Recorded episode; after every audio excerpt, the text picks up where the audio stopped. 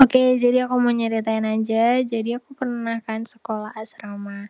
Nah, pertama kali aku masuk sekolah asrama itu awalnya gini guys, kayak seneng banget gitu kan karena aku masuk sekolah asrama nih, nggak ada bapak sama ibu, kayak enak banget gitu kan.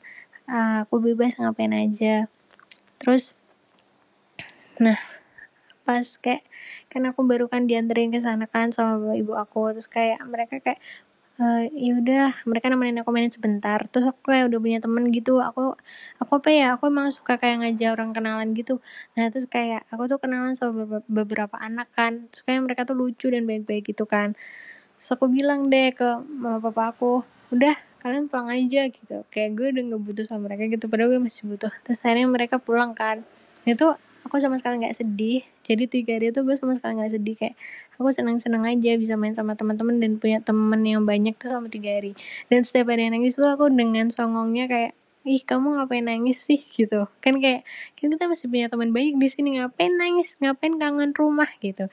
Sedangkan di lain papa aku di rumah tuh nangis karena kayak pertama kali punya anak terus maksudnya punya anak yang homeschooling apa boarding school kayak sedih banget gitu. Nah kalian mau aku lanjutin nggak? Kalau mau aku lanjutin bilang ya guys. Kalau nggak ya